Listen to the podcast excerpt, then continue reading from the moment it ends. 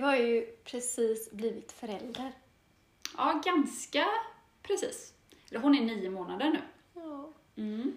Så mitt i en brinnande pandemi Mm. fick du barn.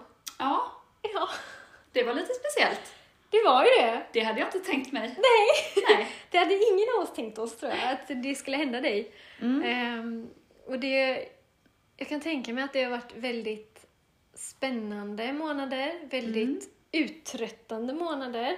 Förutom att liksom ta till sig en, något slags kaosig verklighet som har varit ny för alla så har du också blivit förälder, vilket är för många upplever det som en väldigt kaosig period i sitt liv att bli första gångs förälder liksom. Ja, alltså ehm, det har ju varit ett väldigt föränderligt ehm, år, eller 2020 var ju det, både alltså hemma och eh, utanför hemma, om man säger så. Alltså, eh, jag brukar tänka att ehm, om man jämför liksom privatlivet och arbetslivet så kan det liksom vara, det kan brinna på ett ställe, men inte på båda. Mm. Så. Eh, det kan vara lite eh, kaosigt i ditt privatliv men bara det är liksom stabilt då på jobbet så klarade du det, eller tvärtom. Eh, men eh, det hände ju väldigt eh, stora saker både liksom utanför hemmet och hemma så, samtidigt. Och det var ju väldigt speciellt. Mm. Ehm, och ehm, den här eh, pandemin, den påverkade ju även hur eh, vi, eh, hur livet såg ut hemma. Eh, med eh, att ha en bebis och det påverkade ju hur, hur både jag och min sambo arbetade innan vi fick eh, vår dotter och det påverkade ju även hans arbete fortlöpande året eh, ut. Så ehm, det var ett väldigt händelserikt år, kan man säga. Eh, och väldigt speciellt att födas in i det. Hon är ju väldigt van vid att vara med oss. Hon träffar ju inte så mycket andra barn, eller har inte gjort det hittills. Mm. Eh, eftersom samhället ändå till stor del har varit ganska nedstängt. Så.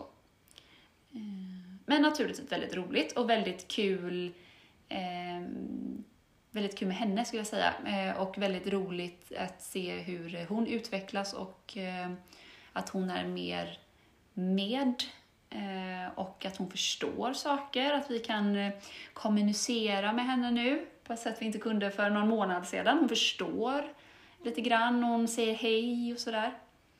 Eh, det är ju väldigt roligt. Mm. Mysigt. Mm. Och jag tänker att ehm, för mig, jag fick ju barn i helt annat sammanhang liksom. Mm. Ehm, men om man tänker den här ideala bilden av hur det är att få barn eh, i en normal verklighet, om man ska säga.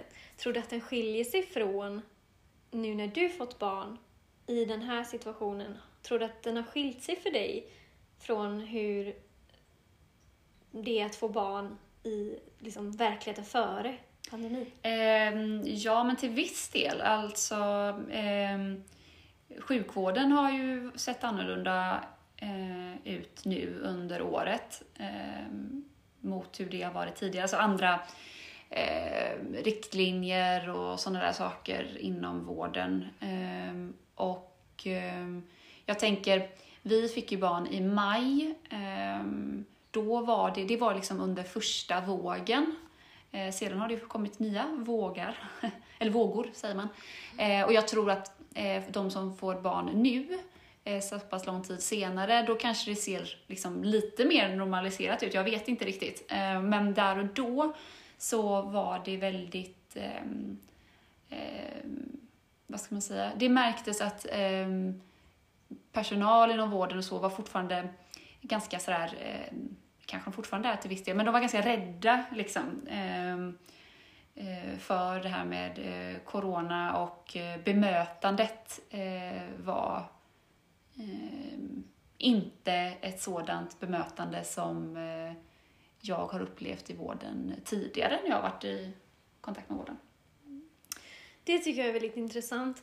Ehm, och för jag kan säga om jag bara blandar in en viss del av mina erfarenheter att få barn.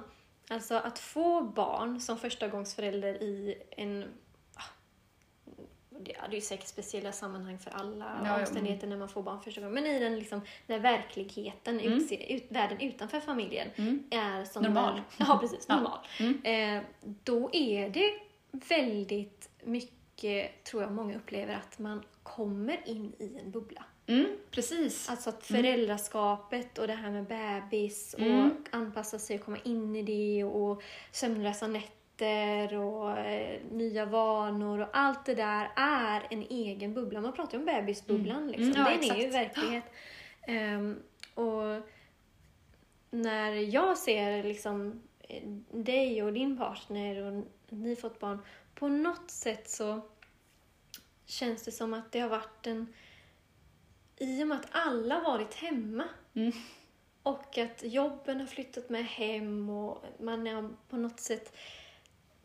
Världen har krympt till familjen på ett sätt som aldrig varit i mitt liv innan, sen vi var barn.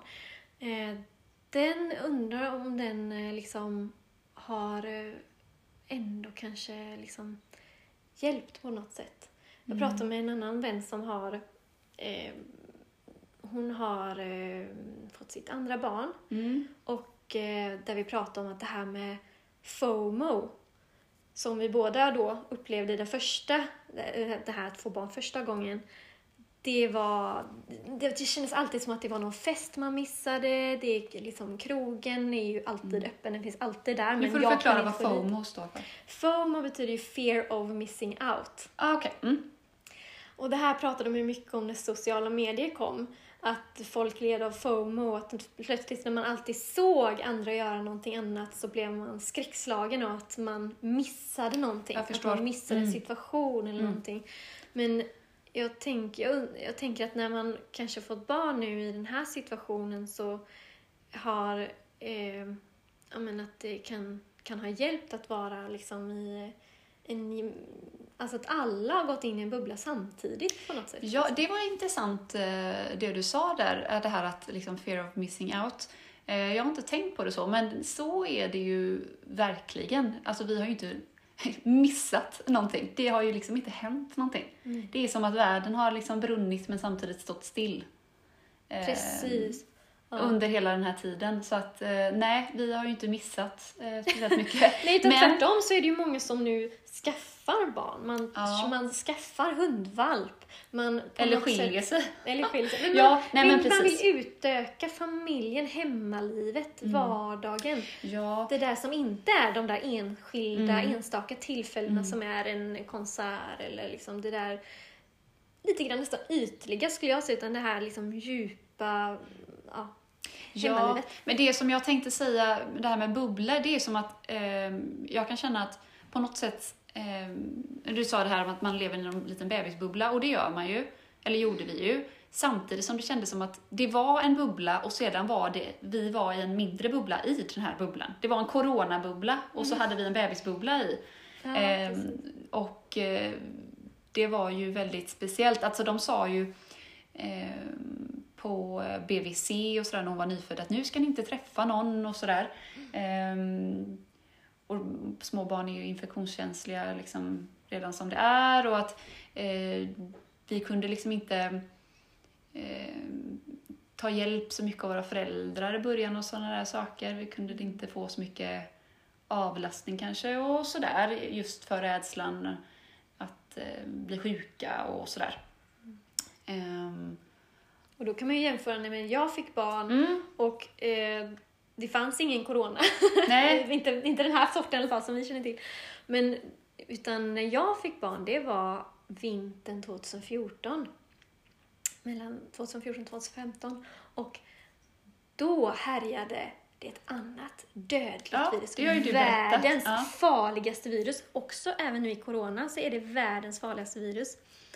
Det fruktade, inte särskilt välkända, RS-viruset. ja precis. Ja. Och, eh, eller rotaviruset som man kallar Mm, det. det får de ju vaccin för nu. Precis, Mm. och det fanns inte när jag fick barn. Då fanns det ju inget vaccin. Och, De får det i eh, munnen nu. tror jag. Ja, jag tror just fick det med någon, liten, ja, någon vätska i munnen. Ja. Ja. Men då var det ju, och min son har också fått det här vaccinet så fort det kom, ett halvår senare. Mm, skräck, skräckinjagande. Ehm, och då var det ju alltså Det är en magsjuka, är det väl? Det där viruset. Jag tror att det är någon form av... eh, Ett slags förkylningsvirus. Ja, men jag tror det att de får, alltså att man kan få en väldigt liksom, eh, magsjuka av det. Har jag för mig.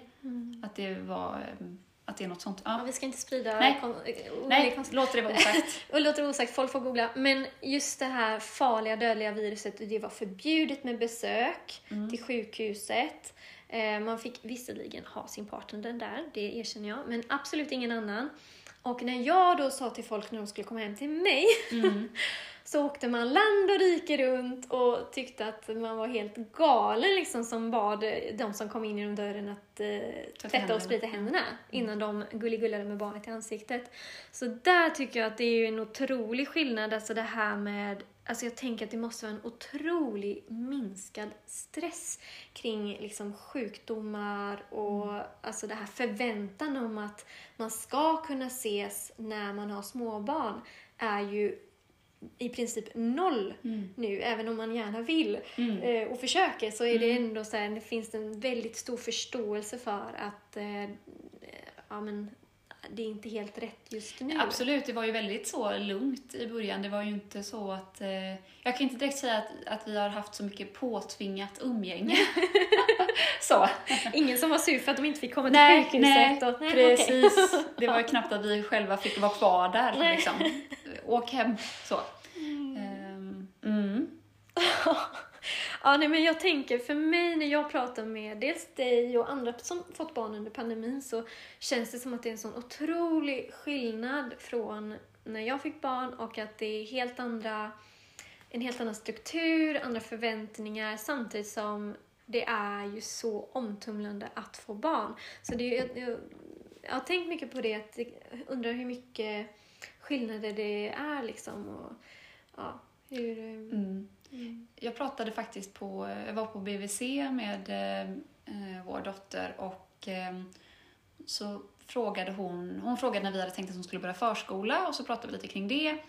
Eh, och så sa jag det att hon, just nu, hon träffar ju inte så mycket andra barn eller sådär och det är utomhus lite grann men hon är ju så pass liten fortfarande att de inte leker riktigt på det sättet. De sitter kanske i varsin gunga eller sådär. Ehm, Det hade väl varit annorlunda om man hade setts inomhus kanske, de hade haft leksaker och, och sådär eh, och greja med. Men det gör man ju inte av naturliga skäl nu då. Ehm, och jag sa att, ja, men undrar hur det blir när hon börjar förskola. Hon kommer ju bli vettskrämd liksom. Eh, och det, om det är massa andra barn där. Eh, och då sa hon, det sköterskan, att ja, fast det kommer ju vara likadant för alla de här barnen. Och så är det ju faktiskt. Det är ju barnen födda under coronapandemin, de eh, föddes i en väldigt speciell tid. Ja. Och jag sa det till, till henne häromdagen. Hon förstod väl inte det, men vi stod och tittade ut genom fönstret och så såg hon att i huset intill så var det personer i olika lägenheter så, så sa jag det till henne att du vet att du är född under en världspandemi, det är därför alla är hemma. det är därför alla lamporna lyser så. Ja, precis. Det är inte det normala. Det är inte det normala. Och häromdagen, det var faktiskt kul, det måste jag berätta. Eh, tvärs över oss så bodde ett par. Eh, och eh, den ena tjejen där, hon stod och eh, gjorde någon slags hemmaträning. Och så sa min sambo, titta där, och så stod hon och tränade och så boxas rakt ut i luften. Eh, och så tittade jag också och så såg jag att då såg hon oss, vi trodde inte hon såg oss, men då såg hon att vi tittade på henne. Eh, så hon vinkade och vi vinkade tillbaka sådär, väldigt roligt. Ja, du vinkar. Jag hade nog skämts ihjäl bara. Gå och titta, titta bort. Ja. Ja. Ja, men det, alltså det är ju, jag tror att varje... Det är så man kommunicerar nu, eh, Ja, så man så. umgås. Ja, just det. Ja. Det är sant. Ja. Ja. precis. Man får mm, hälsa på sina grannar. Ja, precis. det är nya tider nu. Ja. Ja. Eh, Men jag tänker att också att eh, det är ju, jag tror att, undrar om det inte är så att varje, liksom, eh, det är ju svårt att prata om generationer mellan din och ditt barn och mitt barn. Nu, Det är ju inte det. Men det här med att alltså, varje tid har nog sin, Mm. liksom, att det får sin prägel på något sätt av såklart samhället och vad som händer. Och, Absolut. att man blir väldigt... Eh, ja, hela generationer kanske blir på ett visst sätt. Liksom. Eh, och vi... Ja, men, någonting som... Eh, vi funderat mycket på liksom, tror jag både du och jag, det är väl liksom där också skillnaden mellan ja, men, hur kommunicerar man mellan förälder och barn idag och hur har man gjort det tidigare år liksom?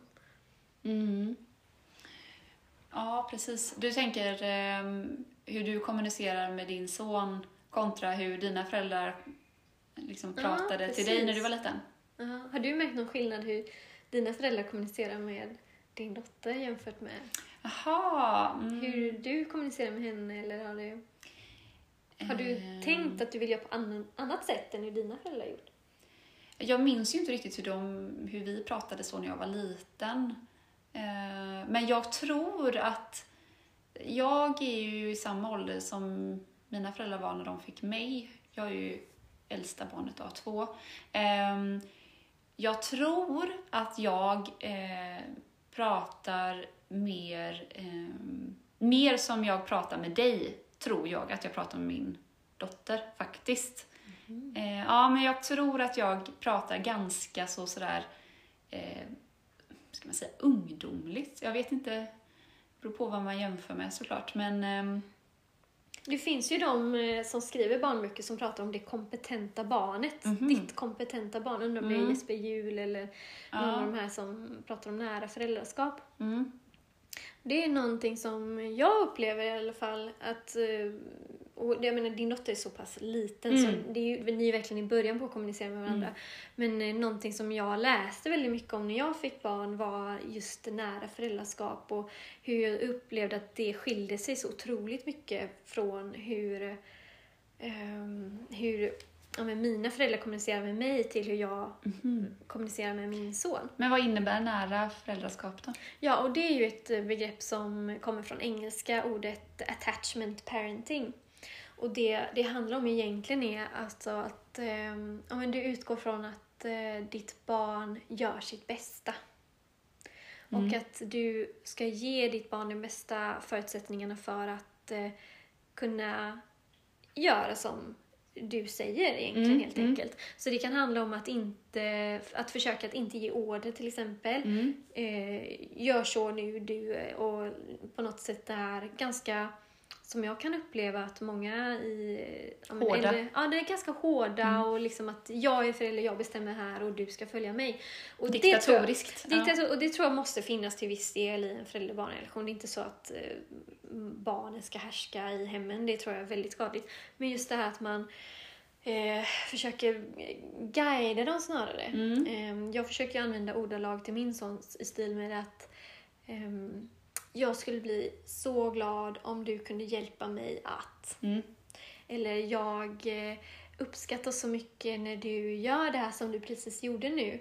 Då blir jag så glad för det hjälper verkligen mig. Mm. Eh, Och på det sättet så upplever jag att, eh, ja, men, att mitt barn, han, han känner inte att han är tvingad att göra någonting eh, för att jag kräver det utan snarare att han vet att det blir svårare och sämre för mig Mm. om inte han hjälper Han mig. gör det för din skull. Han ja. gör det för min skull och jag tycker att det... Alltså, Ja men precis, för annars vet ju inte han varför han ska hänga tvätten. Precis, nu gör, nu gör jag inte han det. Nej men alltså, Men bara han, som ett precis, exempel. han hjälper ju mig gärna att vika tvätt. Ja precis. För då vet han att då kan vi leka sen. Ja precis. För då går det fortare Mm. för mig när vi viker tvätten tillsammans. Eller han vet att du blir glad. Han vet att Ja. jag blir glad och det blir lugnare för Mm. mig. Det blir inte lika stressigt för jag kanske ska laga mat sen Mm. och det är någonting som han tycker om. Alltså det här att Mm. han, jag ger honom en inblick i hur han kan hjälpa mig och han vill gärna göra det. Och resultatet har ju blivit att, alltså, man vet ju inte hur de blir när de är tonåringar liksom. Nej. Men nu så kan han säga saker som att ja, jag kan ju inte göra så mycket nu men när du blir gammal mamma då ska jag hjälpa dig med bla bla bla. Mm, Det är så fint. Ja. Eh, Och då säger du att det här ska jag komma ihåg. Ja, precis. Nej, det säger jag inte. Nej, för, då, alltså för, för oss är det ju väldigt normaliserat att han kan säga sådana saker för mig, till mig. Medan mina föräldrar då, alltså jag, jag kan svära på mitt liv att jag aldrig sagt en sak till mina föräldrar. De, när de har hört honom säga sådana saker så himlar ju de med ögonen och så här, liksom ser lite crazy eyes liksom att äh, vänta nu, är det, är det ens lagligt att säga så? Är, är det okej? Okay? Varför har ingen sagt så till mig? Mm. så, Men så. jag tänker också så att undra eh, hur det påverkar, eller om det påverkar just att ni lever ju eh, tillsammans, du och han. Mm. Eh, jag tänker eh, till skillnad från om man är två föräldrar och ett barn. Ni pratar ju med varandra hela tiden. Mm han, får ju inte, han hör ju inte liksom två vuxna som pratar vuxenprat. Nej, och, och det... sedan att ni pratar med honom. Ja, och forskning har ju, tidigare forskning har visat att eh, alltså, kommunikationen mellan förälder och barn, mm. där man är ensamstående, mm. eh, är väldigt bra. Att de mm. får ett väldigt välutvecklat språk. Och det säger många ja. till mig, kan säga så här, ja, men det här har min sons bästis föräldrar har sagt så här, ja, men, eh, ja, men din son, han är ju så artikulerad. Jag var tvungen att fråga vad det betyder. han är så vältalig. Mm. och det kan dels bero på det och som du säger, det här man aldrig pratar över honom. Att, eh, ja men ska vi göra så, ska vi göra så, okej, okay. eh, kom nu. Och så är det bara upplagt för att man bara ska följa med och acceptera någonting som mm. man inte kanske förstår. Medan jag alltid eh, Allting du säger dialog. här säger ju du till honom. Precis, allting som ska hända är ju väldigt tydligt i en kommunikation mellan oss. Sen har jag fått kämpa med mer kanske det auktoritära eh, rollen att eh, om han säger nej, jag vill inte gå ut, mm. så ska inte jag alltid acceptera det. Utan jag är förälder och ibland kan jag vara tvungen att bestämma att jo, vi ska gå ut genom dörren. Eh, så att man inte hamnar i en... Eh, alltså så att han ändå förstår att jag trots allt är den som bestämmer. Trots att vi är, är en mot en, så är det ja, ändå du som precis. bestämmer. Mm. och det där tror jag kan vara svårt om man som förälder, när man har tre barn till exempel, mm. alltså man går från en eller två eller tre, att man upplever det här att oj, det är inte, det är inte så att jag har övertagit här som förälder för att vi är, för att vi är föräldrar eller två, utan att det finns eh, fler, alltså, flera barn att eh, som kan kriga mot dig. Att det, utan så det är, ju, det är ju såklart unikt när man är ja, men ensamstående förälder liksom, och eh, ensamt barn. Att man, har, eh, man tvingas in i att ha en eh, ömsesidighet som kanske inte behöver finnas där annars. Mm. Men eh, men ändå, jag tror ändå, jag undrar om inte våra generation, alltså du säger ju att du redan pratar annorlunda med henne, du pratar med henne som det kompetenta barnet. Hon klarar av att förstå dig. Ja, jag tror att jag, jag pratar inte så, så mycket eh, bebisspråk med henne. Det är klart ibland sådär, åh, du är gullig och, och sådär, åh, ska vi ta på din lilla strumpan så. Men jag tror att jag ganska ofta, eller oftare, ändå pratar så som jag skulle prata med en vuxen eller någon som var äldre än henne. Mm. Um, hur tror du att det, är bra eller dåligt, det har jag ingen aning om. Jag tänkte just fråga dig, hur tror du att det hjälper henne? Kanske att jag eh, låter likadan. Oavsett om jag pratar med henne eller om jag pratar med hennes pappa. Eh, jag förklarar ganska mycket när jag pratar med henne. Så som du nämnde där att om du säger till din son att eh, skulle du kunna hjälpa mig med detta för att då kan vi göra si och så. Så säger ju inte jag till henne, hon kan inte hjälpa mig med så mycket. Men jag, det jo, har min... Hon hjälpte mig med tvätten, ja, sa du. Det, ja. det, det har min sambo sagt till mig, att du, mm. du säger allting högt som du gör med henne. Ja, det säger och, min och då, Och då tror jag att han, när han har sagt det, då tror jag att han, han undrar liksom, säger jag det för att um, jag vill att han ska höra att nu gör jag minsann det här. Men så är det inte. Nej. Utan jag säger till henne att nu, nu ska du äta detta, nu ska vi byta blöja på dig, nu gör vi det, mm. vi ska göra detta. Men det är väl tryggt och skönt, som när man går till tandläkaren och de säger nu tar jag den här lilla borren ja, här precis. och borrar i tand ja. fyra eller vad det är. Alltså mm. det känns tryggt och skönt när man hör någon förklara vad som händer. Ja, jag kan säga till henne att eh, nu stoppar vi ner eh, de här gosedjuren där, ska vi ta fram denna, vi sätter den där. Eh, ska vi ta ner den här boken? Vad, vad är det på den sidan? Och sådär. Så jag Men det där måste ju hjälpa jättemycket språkutveckling mycket. och sånt. Ja, och sedan sjunger jag ju mycket för den också. Det ska ju tydligen vara bra ah. för språkutvecklingen, har jag hört. Att de får, då får de höra ord som de inte hade hört annars. Mm. Ja, just det. Det är sant. Precis. Lite, lite Emil Lönneberga-ord tänkte jag säga. Nej, men att, att det blir ja. ett, ett, eh, bredare vokabulär som de ja. hör. Ja, och det mm. säger de ju också att det här om man... Eh, det finns sådana jämförelser att om du läser för ditt barn eh, när de är små så kommer de att ha eh, ja, men, tre gånger så mycket, Mm. så Det stort är ju säkert ordförråd. precis likadant som med Ja. eh, sång. Ja. Ja, men sång är säkert en bra ingång Sång till det, eller liksom. saga. Ja. Ja, precis. Att man Mm. får eh, fler, fler ord att använda sig av. Det där kan vara lurigt alltså, hur man... eh, Alltså, om barn förstår orden man pratar om. Men, de, Mm. men det händer ju att man själv slänger sig med ord som man inte riktigt kanske har läst och eh, kollat upp liksom ordagrann betydelse men ändå lyckas man få in det rätt. Och det är för, att man hört det i olika sammanhang och sen börjar det liksom Mm. komma in i ens eget eh, vokabulär bara för att man pratar om, eh, ja, pratar om det också. Liksom. Mm. Så tyckte jag det var när jag gick på högskolan, att då eh, tillkom det många ord i mitt eh, vokabulär. Många begrepp och Ja, eh, sådär, ja, som jag inte hade det. hört om innan. Ja, men precis, men det gör det säkert. Och jag tänker de som då har Alltså, ja, men man har sjungit eller läst mycket för sitt Mm. barn så kommer man nog vidare. Eh, Det är lättare att gå vidare i högre studier för att det känns inte så främmande och så mycket nya ord. Mm. Det är egentligen hemskt att man inte... eh, Alltså, Läser mer, eller? Nej, Tänkte så du det säga. läser jag varenda kväll för min son. Ja.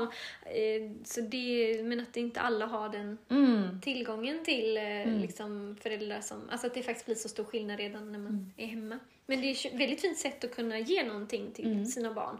Man måste ju inte köpa alla böcker, man kan ju verkligen låna på biblioteket. Och Mm. Men sedan är det ju verkligen så att, att eh, i alla fall jag, jag använder ju mig jag kommunicerar eller pratar på ganska olika sätt beroende på vilket sammanhang jag är i. Jag pratar ju på ett annat sätt eh, i jobbet än vad jag gör eh, hemma med min sambo och sådär. Eh, och, och använder mig av olika eh, olika mm, uttryck och ja, men begrepp och så. Du förklarar inte hur du hänger tvätt för dina Nej, kollegor? nej, nej, nej, det gör jag inte. Nej, Nej. Förstår. Mm. Ja, det kan ju vara lite olika så. Mm. Kan det. Ja. Men har du tänkt på det att i eh, kanske i jobbsammanhang eller sådär, ibland att det, det blir som att eh, eh, vad ska jag säga, att eh, eh, svårighetsgraden på eh, ett samtal, att det går upp. Beroende Jaha. på vem du pratar med. Att om man, att, Oj. jag, jag har Mm. upplevt det här att om jag kanske har varit med i något i något, eh, ja, något möte. Så, att, eh, och det kanske är någon där som börjar liksom använda sig av vissa uttryck. Att, att andra då tar efter och så stegrar liksom...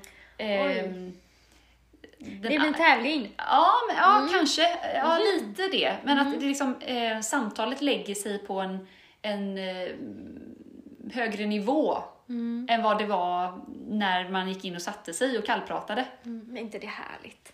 Jo. Ja, man går Ja. in i ett gemensamt eh, state of Ja, mind. och man pratar ett språk som bara de som är med förstår. Mm, inte det härligt? Då vet man ju- det Jag tror att det som händer då, kan inte det vara att man, när man börjar använda sig av de här säkert begreppen och så också, Mm. då, då vet man ju att andra ser fler kopplingar och sammanhang till just det du ordet du Mm. använder än om du hade använt ett mer vardagligt språk. För då är det inte säkert att de hade sett de kopplingarna du drar, Mm. vad ska man säga, undermening i det du egentligen säger. Att det Eller, är det ett, eller är det ett sätt att eh, eh, försöka... mm, vad ska man säga? Är det ett sätt att eh, försöka få varandra att, eh, eh, att, att tycka att eh, det vi gör nu är viktigt? Mm. Ja. Eller det vi gör nu är svårt? ja. Och är det ett sätt att framhäva liksom sig själva i situationen? Ja, men det kan det säkert Att nu pratar vi väldigt högtravande här och vi slänger oss med olika eh, begrepp och olika, eh, olika uttryck som är eh, gemensamma och specifika för den här arbetsplatsen. Men det är nog många som använder... Och där, där är någon som är utomstående som inte eh, arbetar på den här avdelningen eller på den här arbetsplatsen inte skulle förstå. Ja. Är det ett sätt att liksom framhäva sin egna viktighet? Att det blir Alltså, så? det blir väl dels att man framhäver sin egen viktighet, sen att man skapar ett sammanhang, Mm, alltså en grupp. precis. Du skapar gruppen i det här språket. Ja. Och sen att eh, du... eh, Och där finns det ett, ett begrepp för det också. Mhm. Som heter KASAM, känsla av sammanhang. Mm, Mm, att man känner ett, eh, en, eh, en meningsfullhet i sammanhanget där man Mm. befinner sig. Och om vi då pratar liksom samma språk, då känner vi liksom KASAM, då känner vi känsla av Mm. sammanhang med varandra. Så om vi skulle träffas och inte känna varandra och så pratar vi på samma sätt, mm. då får vi en känsla av sammanhang. Om man tänker på det här relaterat till barn. Mm. Så det här tycker jag är så, kan vara så knepigt. Det här, eh, för när du blir förälder så får du också ett nytt. Alltså du, har, du är i ett nytt sammanhang, du har, ska, du har en ny vardag, allting är nytt. Och sen hamnar du i liksom en, en, men en ny verklighet och Mm. säkert en ny vokabulär. Alltså du pratar på ett visst sätt och du... Och det här när man... När du träffar andra föräldrar så räcker det ju att du säger vissa ord så att man får ett... Jag menar, säger du...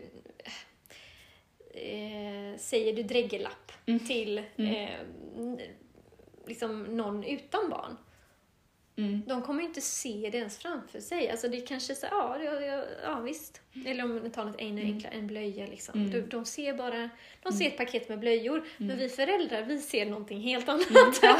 Vi ser Vi hela vet. helheten liksom. Vi Ja. vet hur det är. Ja. Och, eh, och, och vi skrattar ju igenkännande direkt för att vi, vi ser ju den här bilden väldigt Mm. starkt framför oss. Vi, vi ser det här eh, sammanhanget och de här liksom eh, ja, situationerna som Mm. kan uppstå kring det. Mm. Eh, Medan den som Man får en inte, samhörighet med varandra. Ja, direkt. Men någon som inte har barn, de ser inte det, de känner inte det. Mm. De, och det här kan ju verkligen... eh, Jag vet inte hur du känner när du nu har blivit förälder. Tror du att din liksom, eh, vad ska man säga, relation eller språk med dina kollegor som har haft småbarn eller har småbarn, tror du att den kommer förändras? Eh, ja, kanske lite grann, absolut. Sedan tror jag ändå att jag är en... Eh, alltså oftast har jag varit på arbetsplatser där jag har varit en av de yngre. Eh, så att jag har liksom fått höra liksom mycket sådär om andras barn. Och jag tror att jag... Jag vill tro i alla fall att, eh, att eh, jag uppfattas som, eller har uppfattats som ändå liksom intresserad och inlyssnande och så och kunnat prata om det. För det vet jag ju en del som, som är sådär, ehm, eh, ja det är så tråkigt att lyssna på andra när de bara berättar om sina familjeproblem och sina barn och hit och dit när man själv liksom inte alls är där och det kan jag förstå. Eh, men eh, jag vill nog ändå tro att jag eh, inte har eh, Liksom, för jag har inte haft ont av det och jag vill inte tro att det har utstrålats att jag eh, har haft det heller. Men eh, givetvis, det är klart att eh, blöja blir ju en annan eh, innebörd. Du ser Eh, någonting annat. Ja, för det kan man, ju, ja. man kan ju prata om vissa saker Precis. som ändå inte Ja. har samma mening på något Mm. sätt. Och det blir också det här, alltså säkert ehm, det du sa. Vad sa du nu för ord? Kassan. Kasam. Kassam. Mm. Att man, eh, det här känslan av sammanhang och att eh, hur du skapar den. Alltså, det blir ju, jag tänker att det måste vara ett sånt jag har ju inte varit vuxen så länge utan att ha barn. Ja, Och jag, för mig så har ju jag alltid haft den här relationen till Mm. andra vuxna i alla Mm. de här, de flesta jobbsammanhang liksom.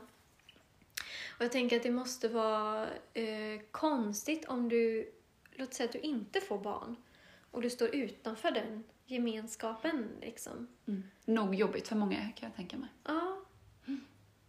Jag undrar, ibland kan man kan ju undra eh, när man hör andra då som slits mellan ska jag skaffa barn, ska jag inte skaffa barn och så här. Man undrar ibland och så här, är det så att du vill du verkligen ha barn eller är det Mm. eller vill du vara i sammanhanget? Vill du förstå vad de andra skrattar åt? Mm, Alltså, mm. vad är det som är så kul med en blöja? Till exempel, Ja, vad, är, mm.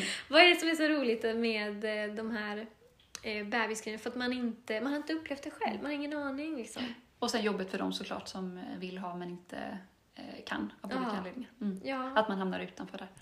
Mm. Det är svårt att komma in i tror jag. Mm. Alltså, eh, men tror du, ja, tror du att du kommer ha en annan eh, relation nu till dina föräldrar eh, när de... när de eh, eller ja, andra kompisar och föräldrar nu när du själv har barn? Ehm. Ja, men säkert på något sätt. Mm. Men eh, det blir väl mer ju äldre eh, hon blir. Ja. Mm. ja, precis. För det växer ju. Det här har mina föräldrar sagt och det har jag verkligen haft med mig hela den här tiden eh, som jag har haft barn. Och det är att någon gång sa de att föräldrar är lika gamla som deras barn är. Mhm. Och det tycker jag är väldigt intressant.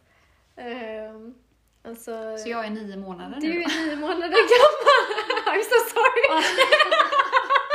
det kommer. Nej men det handlar om att du ser världen på Sover middag och Ja. lyssnar på Babblarna. Precis, ja, men du ser ju världen ur... Ur, Ur hennes ögon. Precis, Mm. en nio månaders perspektiv. Mm. Och jag är just nu sex år. Där Absolut. jag ser världen ur en sexårings perspektiv. Jag förstår lite hur du menar, för det är klart att, att jag kan, även om jag inte är med henne, så kan jag ju ibland eh, se saker och uppleva saker som jag tänker att det här skulle ju hon tycka var skoj, det, det här hade hon skrattat åt eller sådär. Eh, och så är det ju säkert eh, för dig också. Ja, och jag tänker barnens, eh, alltså, barnens relation till andra och hur Mm. man själv reagerar på det och liksom allt det där är ju relaterat till, jag menar om din dotter är i din mammas armar och sträcker sig efter dig, då är du snabb med att säkert att ta henne för att du känner så starkt att hon vill till dig. Samtidigt som din mamma, hon har ju en eh, 30-årig dotter Mm. snart, som om hon sträcker sina armar till dig är det inte hennes impuls att fånga dig. Liksom. Så att, eh, då blir ju hennes så här, hon kanske inte ens märker att din dotter sträcker sig efter dig. Alltså att det där att man är så, man är väldigt eh, sensibel till just barnet i den ålder de är. Liksom. Det, det tycker jag är väldigt häftigt när Mm. det kommer till kommunikation, förälder och barn och så. Och Mm. nya, eh, nya relationer som skapas. Mm. Ja, men jag ska kolla upp det där med, läsa på mer om det där med nära, för, nära föräldraskapet. Yes. Mm, det Mm. ska jag mm, återkomma med en, En analys. en analys och reflektion. Mm. Ja, men gör det. Det finns, eh, Petra Lindekrantz eh, Mm. skriver eh, väldigt bra böcker i ämnet. Mm. Hon är min favorit som jag ofta återgår till om jag står inför situationer som är nya för mig eller nya, behöver, Mhm. nya sätt att tänka. Mm. Då kan jag gå till hennes böcker och känna att ja, just det, så här var det. Mm. Så här kan jag göra i de här nya situationerna. För så är det ju, alltså, så länge ens barn finns och lever Mm. och de växer så kommer de hamna i nya situationer och då kommer man själv hamna i nya situationer som förälder. Och eh, det tror jag skiljer vår generation mycket åt till när våra föräldrar blev föräldrar. Att den litteratur de hade till hands, det var väl hon, vad heter hon, Anna Wallström eller? Just, jag tror jag vet vad du menar, men jag Ja, att, namnet. eh, ja, men att eh, det var ju deras eh, guru och hon är ju på något sätt idag helt... Eller Val, eh, Wahlgren? Wahlgren, ja så kan det vara. Ja. Vi, har, ja, vi får kolla upp det sen. Jag tror de flesta vet vilka Ja, vi menar. Mm. Eh, hon, var ju, hon hade ju flera barn Mm. och känns som den här profilen som eh, Pratar om barnuppfostran. Ja. barnuppfostran och hon var Exakt. den som ansågs ha svaren på allt Mm. och man skulle lämna barnen i eget rum och sova själva och allt det där. Och har fått mycket kritik nu i Mm, efterhand. Mycket kritik och alltså, nära föräldraskap är ju på något sätt motsatsen till Mm. det och det kan ju hända att när vi får barn att de säger att de förklarar oss liksom. Mm.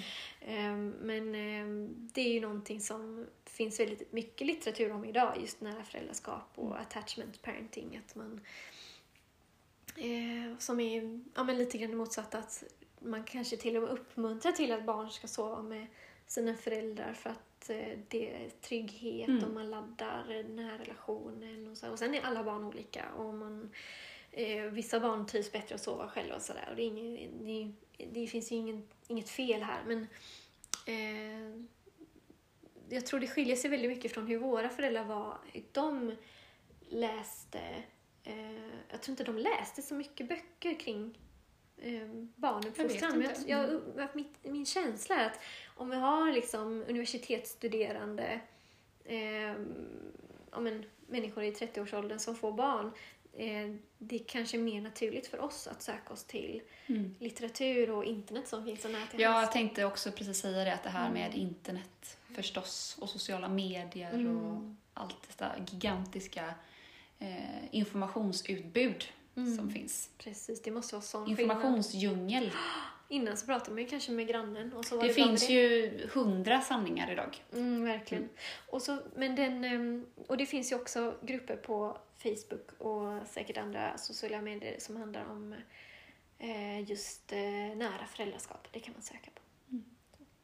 Mm. Ja men vad spännande, jättekul att få höra om hur du är liksom eh, nybliven mamma, Mm. nybliven förälder och mitt i en brinnande pandemi och Ja. allt vad det kan innebära och skillnader mellan nu och då kanske lite. Ja, vi får följa upp detta sedan eh, i ett eh, förhoppningsvis eh, post-corona-liv. Va? Finns det? Ja, det känns lite mörkt just nu, men eh, jag tänker att det är intressant att se det när vi har det liksom bakom oss. Ja. Ehm, Ja, samtidigt tänker jag att varje verklighet är annorlunda. Vi kan Ja. säga så här, om du, eh, alltså, skulle du någon gång få fler barn, då blir det intressant att jämföra. då kan Absolut. det nog vara en skillnad. För det kanske inte händer imorgon exakt. Eh, Nej. nej. Så då, då har vi kanske något att jämföra med Mm. och det, det är ju faktiskt väldigt, väldigt eh, spännande och just de här samhällsfenomenen och Mm. föräldraskap i det. Ja, tack så jättemycket Frida. Tack! Ja.